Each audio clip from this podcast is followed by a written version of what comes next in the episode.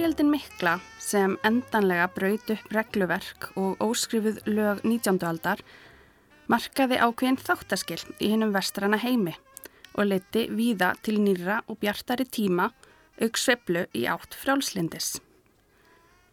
Stórhuga listamenn og riðtöfundar sem voru í fylkingarbrjósti sinnar kynnslóðar tóku aftur að streyma til Parísar úr öllum áttum og á millistrís árunum varð borgin enn og ný söðupottur nýra listaströyma og atkvarf allra þeirra sem vildu endurskoða listræn verðmæti og brjóta niður listaveldi þeirra eldri.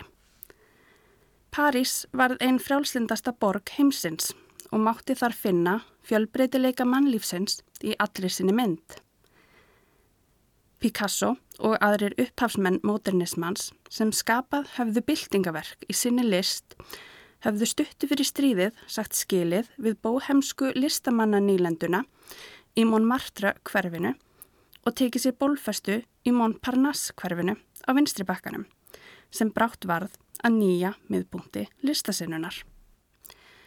Modernismi í listum var á fullu skriði og nú var komið að modernisma í bókmyndum að láta ekki undan síga. Sagt var frá því í síðasta þætti að París varð óvart að safískum miðpunkti hins vestrana heims um aldarmótin 1900 þegar margar skapandi konur sem elskuðu konur yfirgafu heimahaga sína og fluttu til Parísar þar sem þær umgengust rítöfunda og listamenn eins og jafninga og sköpuðu sín eigin samfélag þar sem þær gáttu lifað og skapað list í friði, lausar undan valdi og vendingum ættfæðra sinna. Samfélag þeirra og menning var í fullum blóma á millistriðsárunum og líflegum næturklubum í Montmartre hverfinu og í glæsilegum íbúðum á vinstri bakkanum voru lesbíur að móta nýja sjálfsvitund, hrinda af stað formbyltingu og augra aldargömlum menningarstofnunum. Þær sem byggu við frelsi til að ferðast komu viðsvegar að til þess að heimsækja fagur skreitt heimili fyrir hverna og drekka og dansa á lesbíuburunum í Montmartre hverfinu. Sumar af þeim sem flúið höfðu þá þöggun og kúun sem fylgdi féluleiknum heima vöktu vísvitandi gríðalegt umtal og nexli með því að mæta í visslur í samkamisfötum karla og þær sem livðu við fjárhagslegt og félagslegt öryggi buðu vikulega til fjálmennar móttöku heima hjá sér og voru óhrættar við að leggja lagsitt ofinberlega við aðrar konur af öllum stjættum samfélagsins. Margar sópuðu að í menningalífinu og mörguðu djúb spór sem velgjörðarkonur listamanna og ríthöfunda. Einnig settu þær sterkan svip á lífið á vinstri bakkanum og margar sem voru tíðir gestir í samkvæmislífinu voru orðnar þjóðsagnapersonur þegar það létust. Ekki voru allar með fullar hendur fjár og þurftu margar að stunda atvinnu til að sjá fyrir sér sem gerði það að verkum að staðir eins og vestlanir og bókabúðir urðu einnig að hins einn rýmum en ekki bara vinnustofur og næturklúpar. Því skal haldið til haga að París var alls ekki hins einn útópía í upphafi 20. aldarinnar, enda venjan að þeia um samkynneigð. Og þótt að sumar komu ekki úr skápnum því þær innfaldlega voru aldrei í skápnum, fóru margar lesbíur dullt með kilneig sína eða töluðu undir rós á þessum tíma þagnarinnar, þrátt fyrir skinnjað frjálslindi borgarinnar og listasamfélagsins. Þótt að margar hafi með flutningi sínum til Parísar loks haft þann möguleika á að vera sínilegar og skilgreina sig sjálfar, var það undir hverju þeirra komið að ákveða hversu sínilegar þær vildu vera. Lesbíur módernismans voru fjölmarkar en ef að kort væri teiknað af móderníska landslæginu myndu flestar línur liggja í áttina til fjögura kvenna. Gertrude Stein, Sylvia Beach, Natalie Barney og Breyer. Sagt var í síðasta þætti frá æfi og arleið Gertrude Stein sem var einn af brimbrjóðum modernismans í bókmyndum og einn helsti bóðberi stefnunar í listum. En nú vikur sögunni til bóksala og útgefanda sem unni bókum af öllu hjarta og stutti diggilega við bakið á þeim sem skrifuðu þær í ringiðu listasennunar á millistriðs árunum í París.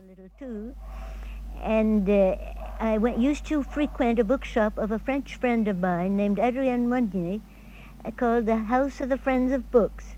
And there I met all the French writers and I knew them before I ever had a bookshop of my own. And it was my French friend Adrienne Monnier who uh, encouraged me to open a bookshop in Paris. And I really uh, was not prepared for such a thing at all. I knew nothing about business and uh, a little about books, and I only love books very much. And I couldn't really foresee the success of this place and how it, its life would be eventually. I didn't imagine... Á vinstri bakka Signu í fymta hverfi Parísar, nánast gengt Notre Dame domkirkjunni, er til húsa merkileg bókabúð sem ber nafnið Shakespeare and Company. En hana setti maður að nafni George Whitman á fót árið 1951 undir gamla nafninu Lumistral.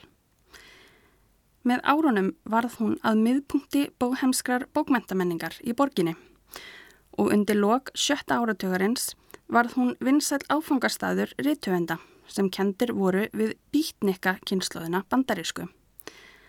Frá opnun hefur ungum skaldum og námsmönnum staði til bóða og kipis vinnuaðstæða og verið veitt húsaskjól á efstu hæðinni, gegn því að taka þátt í léttum verkum eins og að lesa bækur og vinna í búðinni í tvær klukkustundir á dag. Bókabúðin sem lifað hefur af ymsaströyma og stefnur býr yfir einstöku aðdráttarafli og finna má nýjar og notaðar bækur á ennsku úr öllum bókmæntagreinum bókstaflega út um allt og upp um alla veggi. Með nafnabreitingunni sem átti sér stað árið 1964 má segja að George hafi halvpartin egnað sér arleið annars bóksala en bókabúðin á margt skilt við hennar sögufrægu nöfnu sína Shakespeare and Company sem Sylvia Beach opnaði árið 1919 og starfrækti til ársins 1941 í sjötta hverfi borgarinnar. George var vist ekkert sérstaklega döglegur að leiðrétta grandalösa gesti sem komu í búðina í þeirri vissu að þeir væru að heimsækja bókabúðina sem áður fyrr var einn helsti samkomustadur framúrstefnufólksins í París. Og þótt að hægt sé að segja með vissu að báðar bókabúðirnar hafi hver á sinn hátt táknað fyrir marga heim nútíma bókmenta er mikilvægt að standa vörð um móterníska menningararleið hinn að gömlu bókabúðar Shakespeare and Company. Sylvia Beach fættist árið 1887 og ólst upp í New Jersey fylki í Bandaríkjónum þar sem fadir hennar var prestur í söpniði Öldungakirkjunar. Hún kom fyrst til Parísar árið 1901 þegar fadir hennar var skipaður í starf aðstofaprests við bandarísku kirkina en þar dvaldi fjölskyldan í þrjú ár og kunni afar vel við sig. Móðir hennar líkti borginni við impressionist málverk og dvölinn hafði mótandi áhrif á Silvíu sem flutti aftur til Parísar árið 1916 til að læra franskar samtímabókmentir eftir tveggja ára dvöl á Spáni. Styrjöldin mikla sem geysaði í Evrópu færði hins vegar allar áætlanir úr skorðum og tók hún meðal annars að sér landbúnaðarstörf og hjálparstörf í Serbíu. Dagnokkuð árið 1917 þegar Silvíja var stött við lestur á franska þjóðbókasafninu las hún um bókabúð í sjötta hverfi borgarinnar sem starfrækt var af Adrienne Monnier en það sem markaði bókabúðinni sérstöðu var að Adrienne seldi einungis bækur og bókmentatímaritt sem hún sjálf var hrifin af. Henni hafði tekist 23 ára að aldri að opna bókabúð í miðri styrjöld og haldið henni opinni og var meðal fyrstu kvenna í Fraklandi að reka bókabúð ein og óstudd. Adrian tók vel á móti Silvíu þegar hún kom í heimsókn og var afar áhuga söm um bandarískar bókmentir. En þar sem bandarískar samtímabókmentir voru ekki vinsalar meðal franskra lesenda á þeim tíma og þar af leiðandi ekki mikið þýttar var einungis hægt að kaupa hjá henni franskar þýðingar á síkildum bandarískum verkum. Síðustu mánuði stríðsins eitti Silvíja mörgum stundum í bókabúðinni að sækja félagskap og ljóða upplestra. En bókabúðin var einn helsti viðkomustadur franskra ríðtöfunda og skalda á uppafstögum dadaismans og surrealismans og þegar framleiðu stundir varð Adrienne liðbynandi hennar, elskugi og lífsförunautur. Samband þeirra stóði yfir í tæplega 40 ár en litlar upplýsingar eru til um engalíf þeirra og fyrrum samband hennar. Vitað er að Silvija flutti inn til Adrienne árið 1921 en hún talaði ekki ofinskátt um kynnað sína og talaði alltaf um Adrienne sem vinkonu sína. Aðrar lesbýr sem áttu í samböndum voru félagar, sama hvort sambandið var á fára eða margra manna vitorði. Silvija, sem hafði alltaf fundið sinn heim í bókum, átti sér þann draum að opna eigin bókabúð og hjá henni kviknaði svo hugmynd að opna franska bókabúð í New York því hún vildi hjálpa reytöfundum og skaldum sem hún hafði umgengist í bókabúðinni, hennar Adrián, við að verða þekktir hínumegin við hafið. Slíkt var þó ekki fjárhagslega hagkvæmt, enda rándýrt að reka bókabúð í New York og ákvað hún því að opna bandariska bókabúð í París, þar sem leiguverðið var við ránlegra og minni peninga þurfti sér til framfæslu. Adrián bauðst til að liðbenna henni og benti henni á verslunapláss sem stóð tómt, rétt handan við hotnið frá bókabúðinni hennar. Silvija hófst handa við undibúning fyrir opnum bókabúðarinnar sem jafnframt átti að vera bókasapn. En það vissi hún að margir sem myndu venja komur sínur þangað hefðu ekki mikla peninga aflögu til bókakaupa.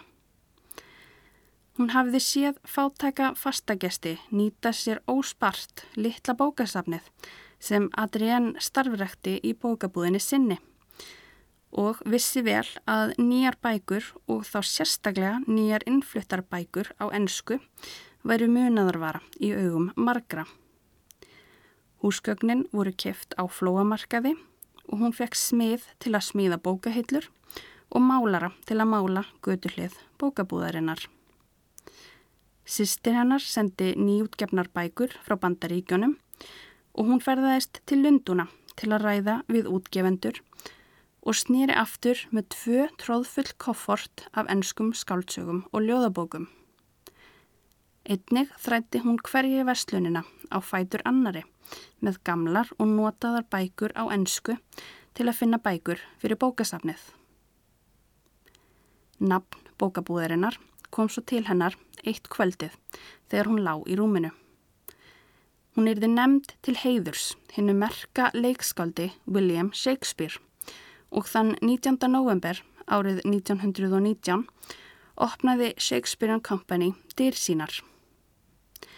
Gestir og gangandi gáttu virt fyrir sér verk eftir William Shakespeare, Geoffrey Chaucer og James Joyce í glukka útstillingunni og einnig uppáhaldsbókina hennar Adrienne eftir ennskariðtöfundin Jerome K. Jerome sem tákrennan þakklætisvott fyrir alla aðstóðina.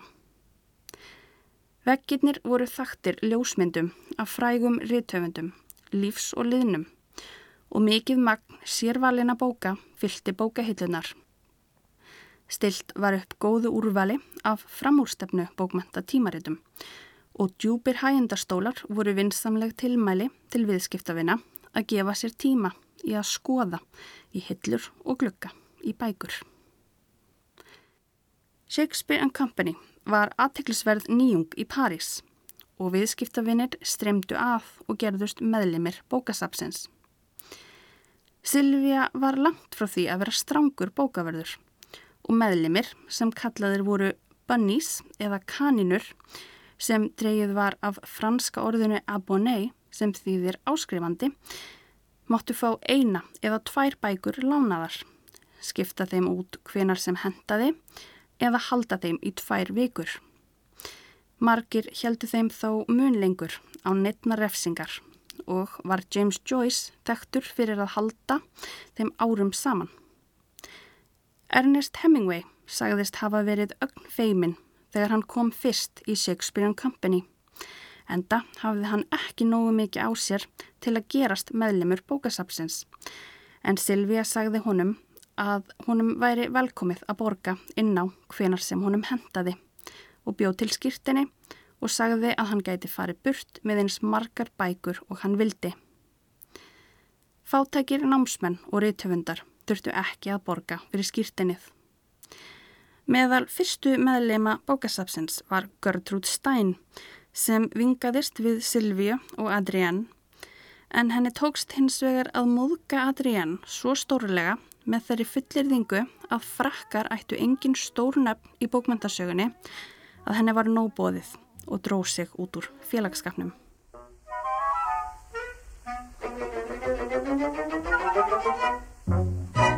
Paris, Paris, Paris, c'est sur la terre un coin de paradis. Paris, Paris, Paris, de mes amours, c'est lui le favori. Mais oui, mais oui, paradis, ce que j'en dis, on vous l'a déjà dit. Et c'est Paris qui fait la parisienne, qu'importe qu'elle vienne du nord ou bien du midi. Et c'est aussi le charme et l'élégance et l'âme de la France, tout cela, mais c'est Paris. Paris, Paris, Paris. Madame, c'est votre robe. Shakespeare and Company markaði upphaf nýs tímabils bókmenta á ennsku í París og var einn helsti viðkomustadur ennskra og bandarískra rithöfunda á blómaskeiði móterniskra bókmenta á millistriðsárunum. Ekki leið á lengu þar til hins sögufræga týnda kynnslóð fór að streyma að hvaða næfa en hún var skipuð af sjálfgerðum útlögum sem hefðu gengið í gegnum skelvilegar hörmungar í styrjaldinni miklu og vildu njóta frelsisins og dýrðarljómans sem þau sáu París í, en einnig bandarísku landflóttarfólki sem hefðu flúið áfengispannið og rýtskoðunina sem var í fullu gildi í heimalandinu. Aldrei dætt bóksalanum í hug að hún sjálf myndi græða á þessum bóðum og bönnum en fréttir af bókabúðinni bárust víða um bandaríkin og hvert skip sem sildi yfir hafið færði henni fleiri viðskiptafinni sem gerðu Shakespeare and Company að sínu fyrsta stoppi í borginni Fögru.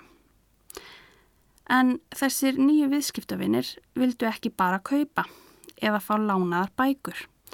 Heldur horðu þeir á bókabúðina sem félagsheimili og með tímanum þróiðist Shakespeare and Company í bókabúð, bókasapn, bókaklúb, banka, pósthús, hótel, upplýsingamiðstöð, fundarstað og lesstofu framúrstefnufólksins í París.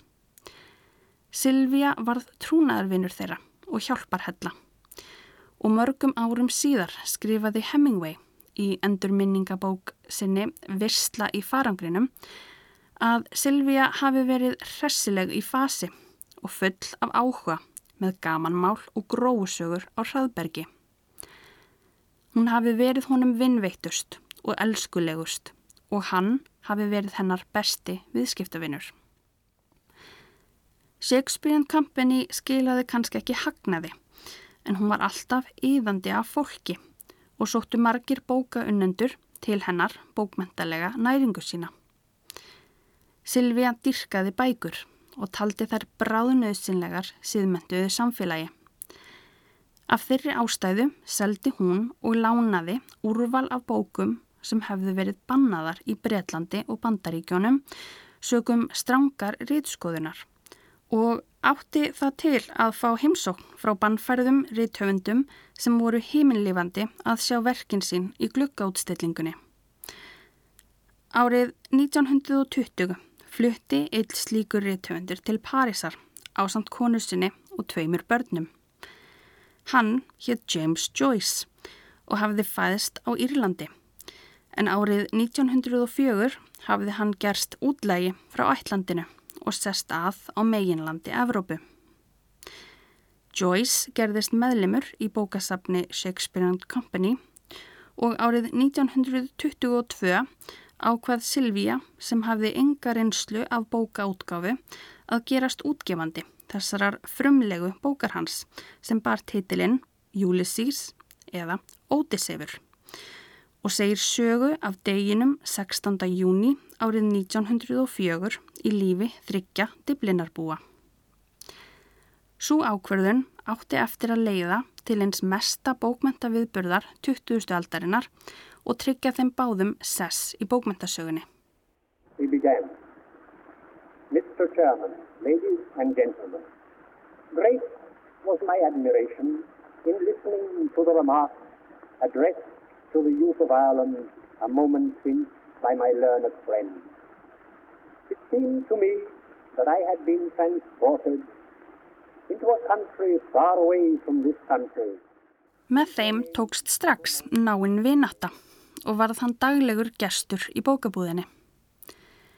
Joyce hafði áður gefið út smásagnarsapn og skáldsögu sem hafði vakið aðtikli og kaplar úr nýjustu skáldsögunni hafði byrst sem framhaldsaga í bandaríska bókmyndatímaritinu The Little Review en honum reyndist ómögulegt að fá útgefanda fyrir hana þar sem engin atvinnu útgefandi vildi hætta orðspori sínu með útgáfu á umdeldri bók sem þótti klámfengin og ósýðleg. Margaret Anderson og Jane Heap sem voru réttstjórar The Little Review höfðu árið 1921 verið dregnar fyrir rétt, sagaðar um byrtingu á klámfengnu efni og daginn byrtist Joyce með fréttir af dómsniðurstöðinni. Þær höfðu verið sakveldar og dæmdar til að borga 100 dollara segt. Joyce gati ekki lengt vonbreyðum sínum og var viss um að bókin yrði aldrei gefin út. En Silvija lagði til, þrátt fyrir skort á reynslu og fjármagni, að Shakespeare Company hlottnaðist sá heiður að gefa út Odyssey. Joyce félst strax á það og Silvíja létt prenta bækling sem gerði áhuga sömum kunnugt að bókin yrði gefin út af Shakespeare & Company óstitt og órið skoðuð höstið 1921 og ráðstafanir voru gerðar til að láta prenta 1000 tölusett eintök sem væntalegir lesendur gætu gerst fyrirfram áskrifendur að. Silvíja sá um alla snúninga í sambandi við prentunina og átti í langri baráttu við prófarkir en Joyce sem handskrifaði öll sín verk endur skrifaði langa kabla og bætti óspart inn í takstan. Síðar sagðist hann hafa skrifað eitt þriðja af bókinni á prófarkinnar. Aug þess áttu frönsku setjarannir nógu erfitt með að setja ennsku þó ekki bættust ofan á öll orðin sem Joyce bjóð til eða setningar sem voru margar blaðsíðu langar eða lengri. Lengsta setning bókarinnar inniheldur 4491 orð. Loks eftir margra mánada vinnu gað Silvija afhend honum fyrsta intakið á færtugsammali rítöfundarins þann annan februar árið 1922 en Joyce hafði unnið að bókinni í þremur borgum frá árinum 1914 til 1921.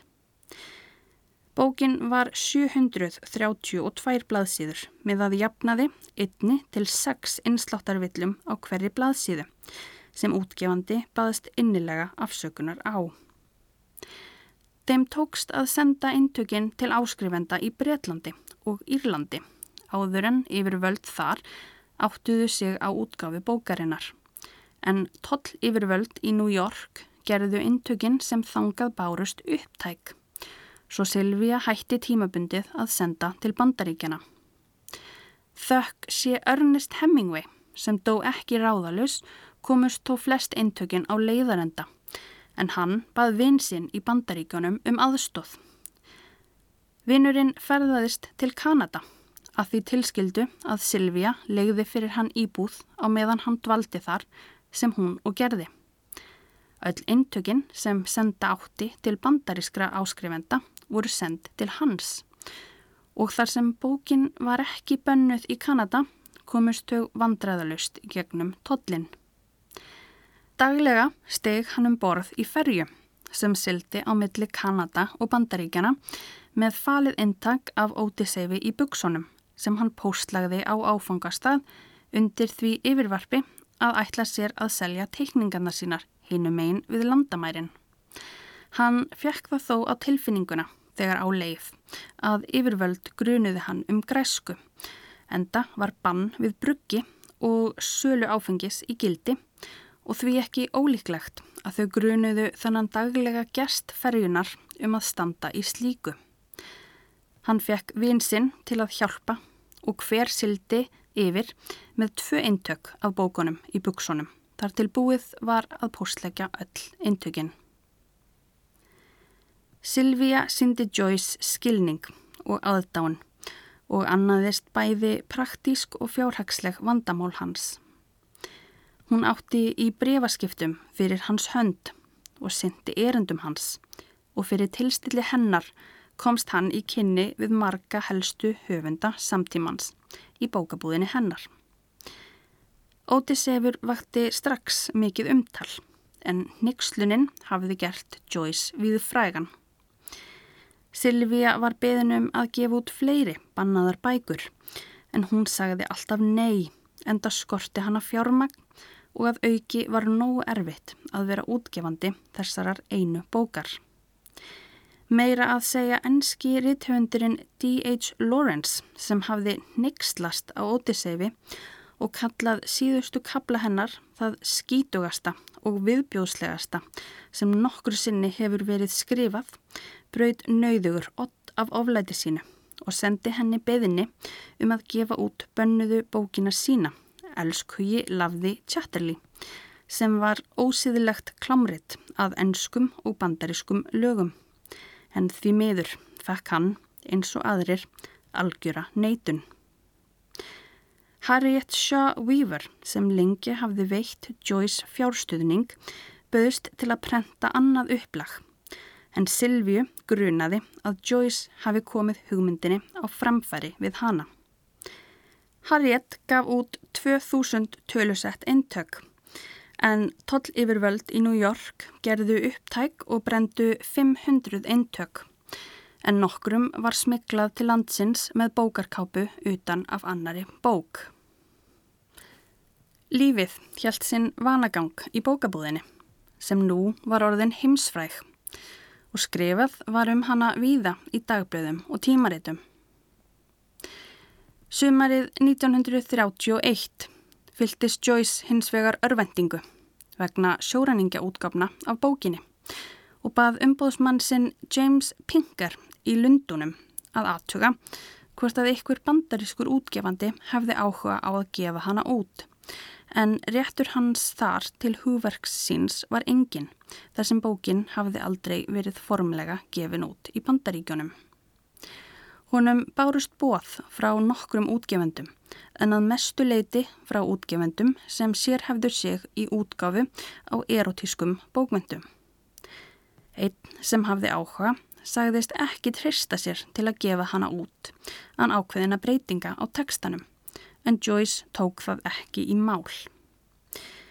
Svörin sem bárust voru stíluð á fulltrúa hans í Paris en ekki útgefanda og hafði Joyce beðið Pinker um að hafa það þannig.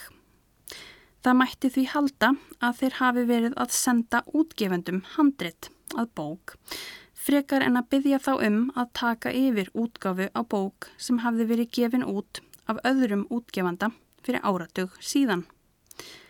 Silvíu fannst sem hann hefði svikið sig og beigð eftir því að hann tæki upp hanskan fyrir hana sem hann gerði aldrei.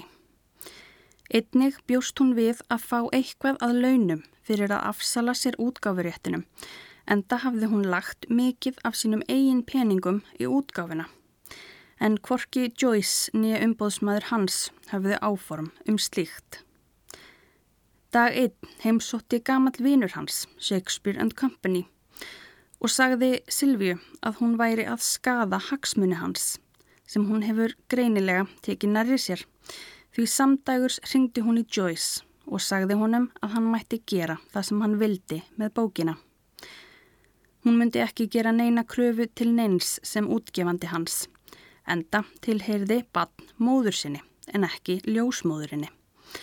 En vináttan sem áður risti djúft hafði nú dopnað. Hún vissi ekki að Joyce væri á þeim tímapunkti nálagt því að skrifa undir útgáfisamning við Random House. Árið 1933 hvað bandarískur allergistómari upp úrskur sinn. Ótiseifur var ekki lengur ósýðleg að lögum og ári síðar gaf Random House hana út darlendis sem batt enda á landamæra smiglið. Bókin var aldrei formlega bönnuð í heimalandi rítuverendarins, Írlandi, sem þeir stæra sér af enn í dag en hins vegar komu óopinberir aðilar í veg fyrir að bóksalar seldu bókina og var hún ekki gefin út þar í landi fyrir nárið 1954. James Joyce var ekkert sérlega afkastamikill rítöfundur en öll stórverkin hans eru talin öndvegisverk himsbókmentana á 20. öldinni og hafði Ódiseifur gífurleg áhrif á þróun nútímaskaldsögunar.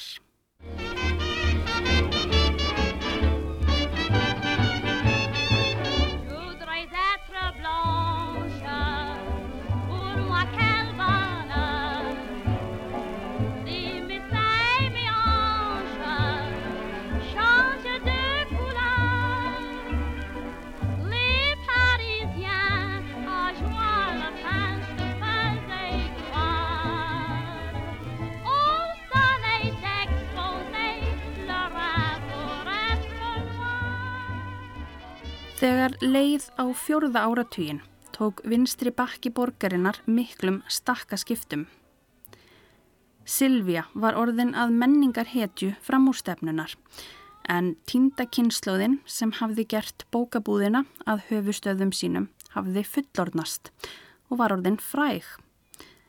Margir vina hennar heldu á önnur mið eða snýru aftur heim sem hafði í för með sér erfiða tíma fyrir hana. Kreppan mikla breytist fljótt um heimsbyggðina og viðskiptin dróust saman. Hún neittist til að selja sjálfgefar bækur og handrit til að halda bókabúðinni réttu megin við nullið og harmaði það mest að þurfa að segja skilið við áreitaðar frum útgáfur af verkum eftir Hemingway. Ungir franskir rítöfundar fóru að venja komur sínar í Shakespeare and Company og margir af eldri rithöndunum töldu bókabúðina svo mikilvæga fyrir ungu kynnslóðina að fjölmart var gert henni til stuðnings. Meðal annars tóku nokkrir rithöndar sig saman og fengu 200 manns til að gerast meðlimir bókasapsins í tvö ár og einnig voru haldnir þar upplestrar sem rithöndar lásu upp úr óútgefnum verkum sínum.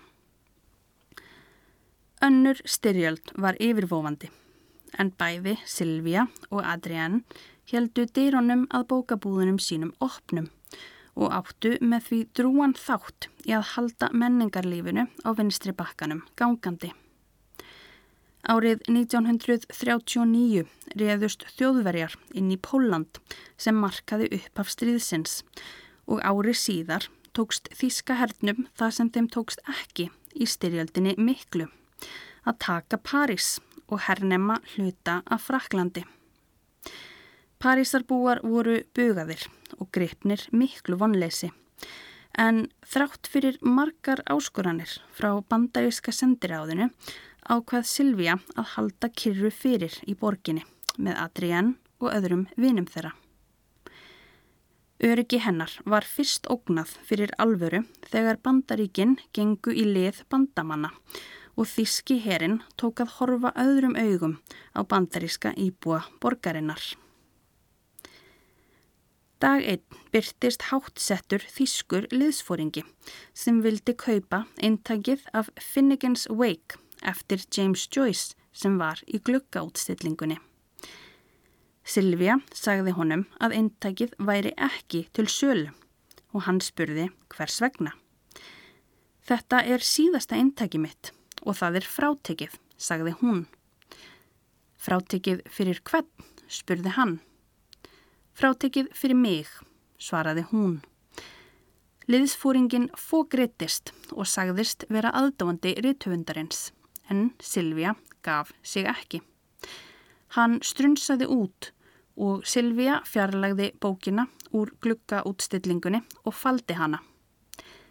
Halvum mánuði síðar byrtist þíski liðsfóringin aftur og spurði um bókina, en Silvija sagðist hafa sett hana á góðan stað.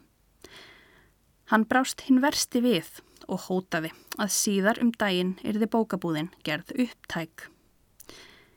Silvija sem vissi að hann sagði þetta í fullri alvöru tók enga áhættu og með aðstóð vina sinna var öllum bókonum og húsgögnunum komið fyrir í öðri íbúð á þriðju hæð húsins sem hýsti bókabúðina. Smiður var fenginn til að taka neyður bókahillunar og málað var yfir nafnið á göduhliðinni. Árið var 1941 og Shakespeare & Company lokaði deyrum sínum í hinsta sinn. Þíska hernum tókst kannski ekki að gera bókabúðina upptæka en nokkru mánuðum síðar hann tóku þau bóksalan fyrir að hafa veitt aðstóðarkonu sinni sem var gýðingur vernd og var hún höfð í haldi í sex mánuði í fangabúðum með öðrum bandarískum og breskum konum. Silvíja fagnaði frelsun borgarinnar í öðri bókabúðinni. Vinir hennar kvöttu hana til að opna hana aftur en hún var orðin 58 ára gömul og hafði ekki þrek til þess. Hún hjælt á áfram að lána út bækur úr íbúðinni sinni.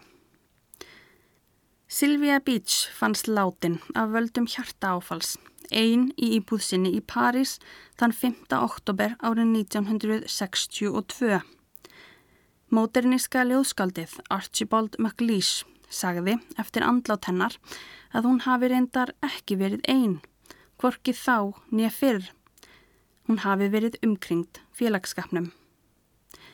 Hún hafði öðlast alþjóðlega frægð og var meðal annars sæmt af frönsku ríkistjórninni Rittarakrossi heiðursfylkingarinnar fyrir framlag hennar til bókmynda sem menningarilegur tengiliður millir Fraklands og Bandaríkjana. Adrienne hafði framið sjálfsmorð áriði 1955 eftir langvarandi veikindi en hún þjáðist af völundarsvema sem er sjúkdómur í innra eira. Silvia var miður sín af sorg en hún hafði flutt út af heimili þeirra árið 1936 eftir að Adrienne hafði kynst annari konu. En þar voru áfram nánar vinkonur og heldu áfram faglegu samstarfi sínu. Silvíja var kvött til að skrifa endurminningar sínar sem hún nú gerði og árið 1956 kom út endurminningabókin Shakespeare & Company þar sem framkemur að einu ástinnar í lífi hennar voru Adrienne Monnier, James Joyce og Shakespeare and Company. George Whitman setti sína bókabúð á fót árið 1951 undir gamla nafninu Le Mistral en breytti nafninu í Shakespeare and Company árið 1964 eftir andlátt Silvíu og veitti hann býtnikka kynnslóðinni bandarísku öflugan stuðning alveg eins og Silvíja veitti tíndu kynnslóðinni öflugan stuðning. Segja má að Sylvia Beach standi ennþá vaktina í Shakespeare and Company en Wittmann skýrði enga dóttur sína sem hefur rekið bókabúðina síðan hann lést árið 2011 Sylvia Beach Wittmann til heiðurs forvera hans. Ef að Gertrúd Stein var móðir módernismans má segja að Sylvia Beach hafi verið ljósmóðir hans. En eins og áður sagði voru þær alls ekki einu lesbíunar sem hefðu áhrif á móterníska landslægið og leku drúgt hlutverk í uppgangi listastefnunar. Adrienne Monnier var ekki einungis bóksali og ástkona Sylvia Beach, heldur var hún einnig rithöfundur og rithstýra sem gaf út framúrstefnu bókmentatímaritt sem byrti verk margra ennskru mælandi móterniska rithöfunda á frönsku og kynnti þannig verk þeirra fyrir frönskum lesendum. Þegar leið á þriðja áratug 20. aldar fengu franskir lesendur gríðarlegan áhuga á samtíma bókmyndum eftir bandaríska riðtöfunda og hafði Adrian unnið þrekvirki til að byggja upp þann áhuga. Hún var svo fyrsta til að byrta á prenti sögu eftir Hemingway á frönsku. Árið 1925 byrti hún í tímaritinu sínu fyrstu frönsku þýðinguna á ljóðinu The Love Song of J. Alfred Prufrock eftir breska ljóðskaldið T.S. Eliot en þetta móterniska ljóð hans einkennist af uppreysnar anda gegn eldri formum. Ári síðar gaf hún út tölublað af tímaritinu sem innihjalt aðeins þýðingar á verkum eftir bandaríska riðtöfunda og sér til dundurs tók hún saman lista af öllum bandarískum og breskum skrifum sem þýtt höfðu verið á frönsku. Annie Winifred Ellermann sem nefndi sig Breyer var auðugur ennskur rítöfundur og stuðningskona Lista sem let mikið fjö af hendi rakna til upprinnandi móternískra rítöfunda og útgefanda sem þurftu á fjárstuðningi að halda. Joyce naut verulega góðs af gjálfumeldi hennar en hún sendi riðtöfundinum og fjölskyldu hans sem sífælt var í fjárkrökkum reglulega styrk til uppihalds. Silvíja naut einni góðs af gjafmildi hennar en Bræir aðstóði hana reglulega við að halda rekstrinum á þessari mikilvegu bókabúð gangandi. Árum saman var hún í opnu sambandi með móterníska ljóskaldunu Hildu Doolittle sem nefndi sig HD en gekk í hagsmuna hjónaband árið 1921 með bandaríska rithöndunum og útgefandanum Robert McAlmon sem var einnig samkynhegður. Þau skildu sex árum síðar en hún styrti McAlmon fjárhagslega sem í gegnum bókaútgáfuna sína gaf út fyrstu bókina eftir Ernest Hemingway og fjölda annara verka eftir móterníska rítöfunda. Bandaríska bladakonan Juna Barnes sem samti skálsugur og ljóð auk þess að vera fær myndlistarkona gaf út móterníska meistarverkið Nightwood árið 1936 en bladamennskan hafði dreyið hana til Parísar árið 1921. Á milli hennar og James Joyce tóks náinn vinotta og var hún svo eina sem ávarpaði hann sem Jim. Ekki einu sinni sjálfur Ernest Hemingway vogaði sér að gera það. Natalie Clifford Barney var auðugur rítöfundur, þekkt fyrir vikuleg samkvæmi sem hún hjælt á heimili sínu í París sem margir móternistar fjölmöndu. Hún var með eftirlíkingu af grísku hofi í gardinum og varð fyrir miklum áhrifum frá forn gríska skáldinu Saffo sem er helst minnst fyrir ástarkvæði sín til kvenna. Natalie stjórnaðist af þrá og gerði yngar tilraunir til að fela kynneið sína. Meðal fjölmargra ástkvenna hennar voru franski ríthöfundrin Colette, breska symbolista ljóðskaldið René Vivian og bandaríski listmálarinn Romaine Brooks en þær voru saman í rúmlega 50 ár, þrátt fyrir mörg framjóhöld af hálfu Natalie. Hún stutti diggilega við bakið á kvenriðtöfundum og árið 1927 setti hún á fót akademíu til að hyðra kvenriðtöfunda sem var svar hennar við frönsku akademíinni aðesta domstóli franskrar tungu í Fraklandi sem veitti á þeim tíma aðeins karlmönnum aðgang. Natalie var afkastamikill ríðtöfundur en var þó frægust fyrir persónuleika sinn og var orðin þjóðsagna persóna í Fraklandi þegar hún lest í Paris árið 1972, 96 ára að aldri. Og þar voru fleiri. Berenice Abbott, Janet Fletcher, Margaret Anderson, Jane Heap. Paris var kona og lesbíunar á vinstri bakkanum settu sterkan svip á menningarlífið í borginni og gerðu uppreist gegn gamaldags viðhorfum. Sem einstaklingar lögðu þær fram sinn skerf en sem heild voru þær byltingar kent afl. Vissulega er hveðið of fastað orði með því að segja að án þeirra hefði móternismi ekki orðið en hægt er að segja með vissu að án þeirra myndu bókahillur okkar og listasöfn líta öðruvísi út í dag.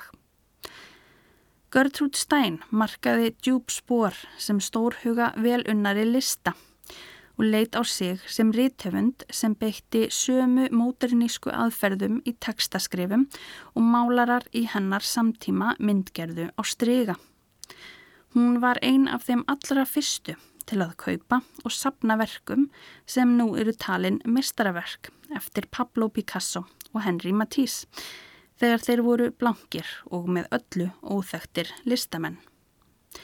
Oft er sagt að listaverkasalinn Daniel Kahnweiler hafi uppgötað Picasso sem síndi málverkin sín ekki á lissinningum en árið 1907 þegar Kahnweiler opnaði sitt fyrsta galleri höfðu fjölmarkir nú þegar síð verk hans hanga í vinnustofinni hjá Gertrúd Stein. Hún skrifaði móterníska teksta sem könnuðu mörg og möguleika enska tungumálsins en verk hannar eru afar lítið lesin í dag. Hanna má réttilega kalla einn helsta bóðbera og jafnvel móður móternismans en hægt er að spyrja sig hvort að móterníska þúsund blaðsína stórverkið hennar, The Making of Americans, hefði markað tímamót í bókmyndasögunni á sama hátt og ótiseifur ef að velunarinn sjálfur hefði haft velunara.